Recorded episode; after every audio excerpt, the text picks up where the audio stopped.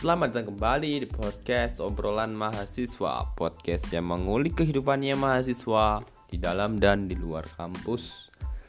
Yo teman-teman Sekarang sudah masuk di episode yang ke-23 Sudah banyak sekali setelah kemarin saya membuat podcast Setelah hampir dua bulan vakum Tidak melakukan rekaman sama sekali kemarin saya memutuskan dua hari yang lalu untuk memulai lagi kancah perekaman pada podcast obrolan mahasiswa. Pada episode kali ini saya akan membahas mengenai sosok yang mempunyai pengaruh besar terhadap kebijakan demi kebijakan yang diambil demi kemajuan pendidikan di Indonesia. Beliau adalah Nadiem Makarim selaku Menteri Pendidikan.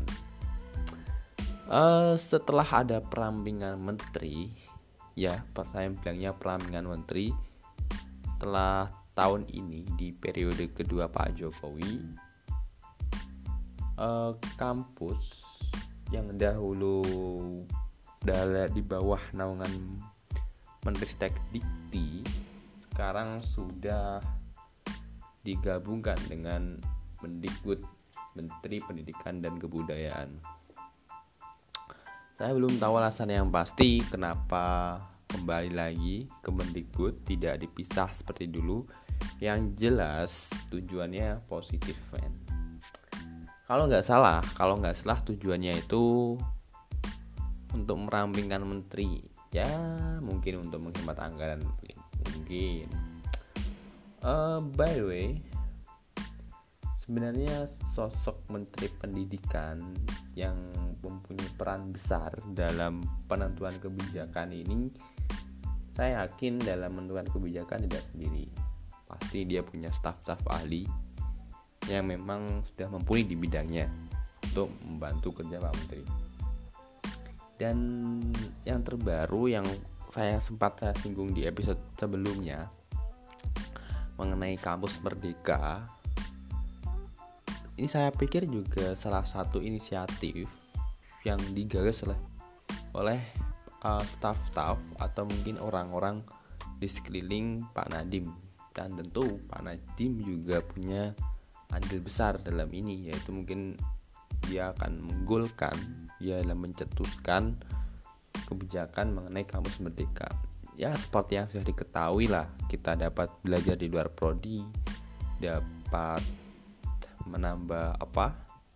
Dapat prodi terus kita setiap kampus bisa menciptakan jurusan baru. Ada keluasaan bagi mahasiswa untuk semakin berkembang daripada sebelumnya. Di samping itu andekan benar-benar goal sekali lagi saya bilang benar-benar goal tentu ini merupakan sebuah perubahan besar dan saya pikir ada kampus yang sudah siap dan juga ada kampus yang belum siap. Kan kebijakan dari Pak Nadiem mengenai kampus merdeka benar-benar goal. Bagi kampus yang mahasiswanya mungkin rata kemungkinan besar akan lebih mudah untuk mengatur. Tapi bagi kampus mungkin yang ada pendomplengan dari sisi kuantitas mahasiswanya mungkin akan ada sedikit permasalahan baru. Mungkin ada jurusan yang kosong dia ada mahasiswa mungkin bisa terjadi. Selain itu dan dengan kebijakan ini kemungkinan besar juga kampus-kampus tinggal mahasiswanya yang kemungkinan besar memilih untuk magang di luar. Saya yakini itu karena biasanya mahasiswa-mahasiswa itu biasanya karena relevansi yang dia dapatkan di dalam kampus tidak sesuai dengan kenyataan di luar. Maka dari itu kebanyakan mahasiswa itu biasanya memilih untuk magang daripada kuliah. Makanya pada saat mahasiswa ada PKL mungkin prakerin yang durasinya seharusnya yang dibuat kampus satu bulan biasanya mereka itu menambah. Menambah sampai tiga bulan. Lah hal ini andaikan terjadi bisa-bisa kampus nanti akan jumlah mahasiswa yang ada di dalam kampus berkurang. Berkurang kebanyakan mungkin akan memilih untuk magang di luar. Dan pikir-pikir apa apabila orientasi mereka adalah sudah pekerjaan yang jelas itu nanti maaf yang jelas itu nanti juga akan mempercepat untuk apa memperbesar keinginan mereka untuk belajar di luar itu untuk penambahan prodi untuk, untuk penambahan prodi sendiri ini saya pikir juga harus. Dan untuk kewenangan yang diberikan otoritas yang diberikan itu kepada setiap kampus bisa menambah prodi sendiri itu saya sangat setuju. Uh, saya yakin keadaan geografis di setiap daerah itu pasti berbeda mungkin di daerah Jawa Timur dengan daerah di Indonesia Timur itu berbeda secara geografis.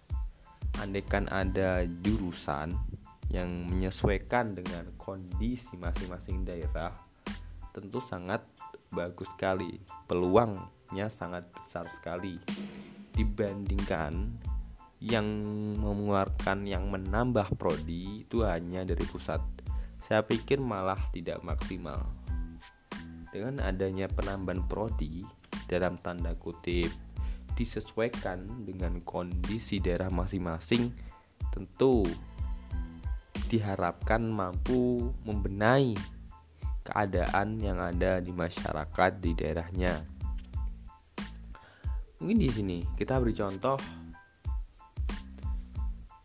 di Papua. Di Papua tenaga pengajar sangat jarang pada pada sektor-sektor tertentu pada mata-mata pada pendidikan pada apa? Pada koridor-koridor tertentu.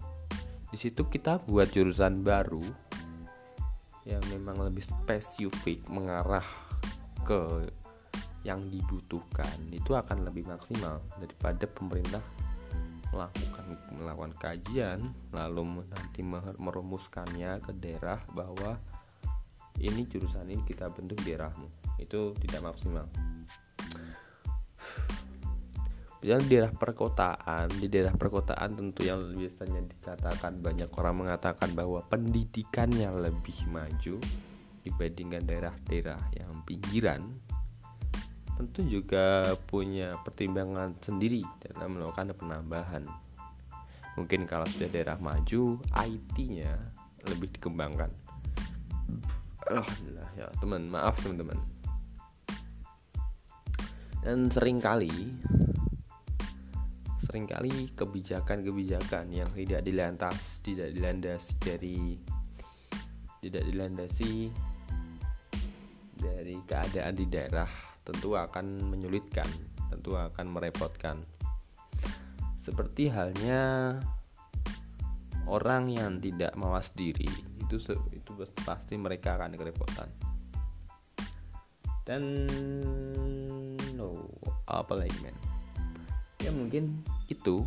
Kalau menyinggung masalah kampus merdeka part kedua yang jelas ya yang jelas di sini pengaruh dari seorang Pak Nadim dalam pemangku kebijakan sangat penting apalagi di situasi seperti saat ini mungkin DPR masih belum bisa melakukan rapat. Saya pikir kebijakan Pak Nadiem sangat besar apa yang akan diambil. Semoga saja semua pihak dapat menerima dan tidak ada pihak yang dirugikan akibat adanya kebijakan dari Pak Nadiem.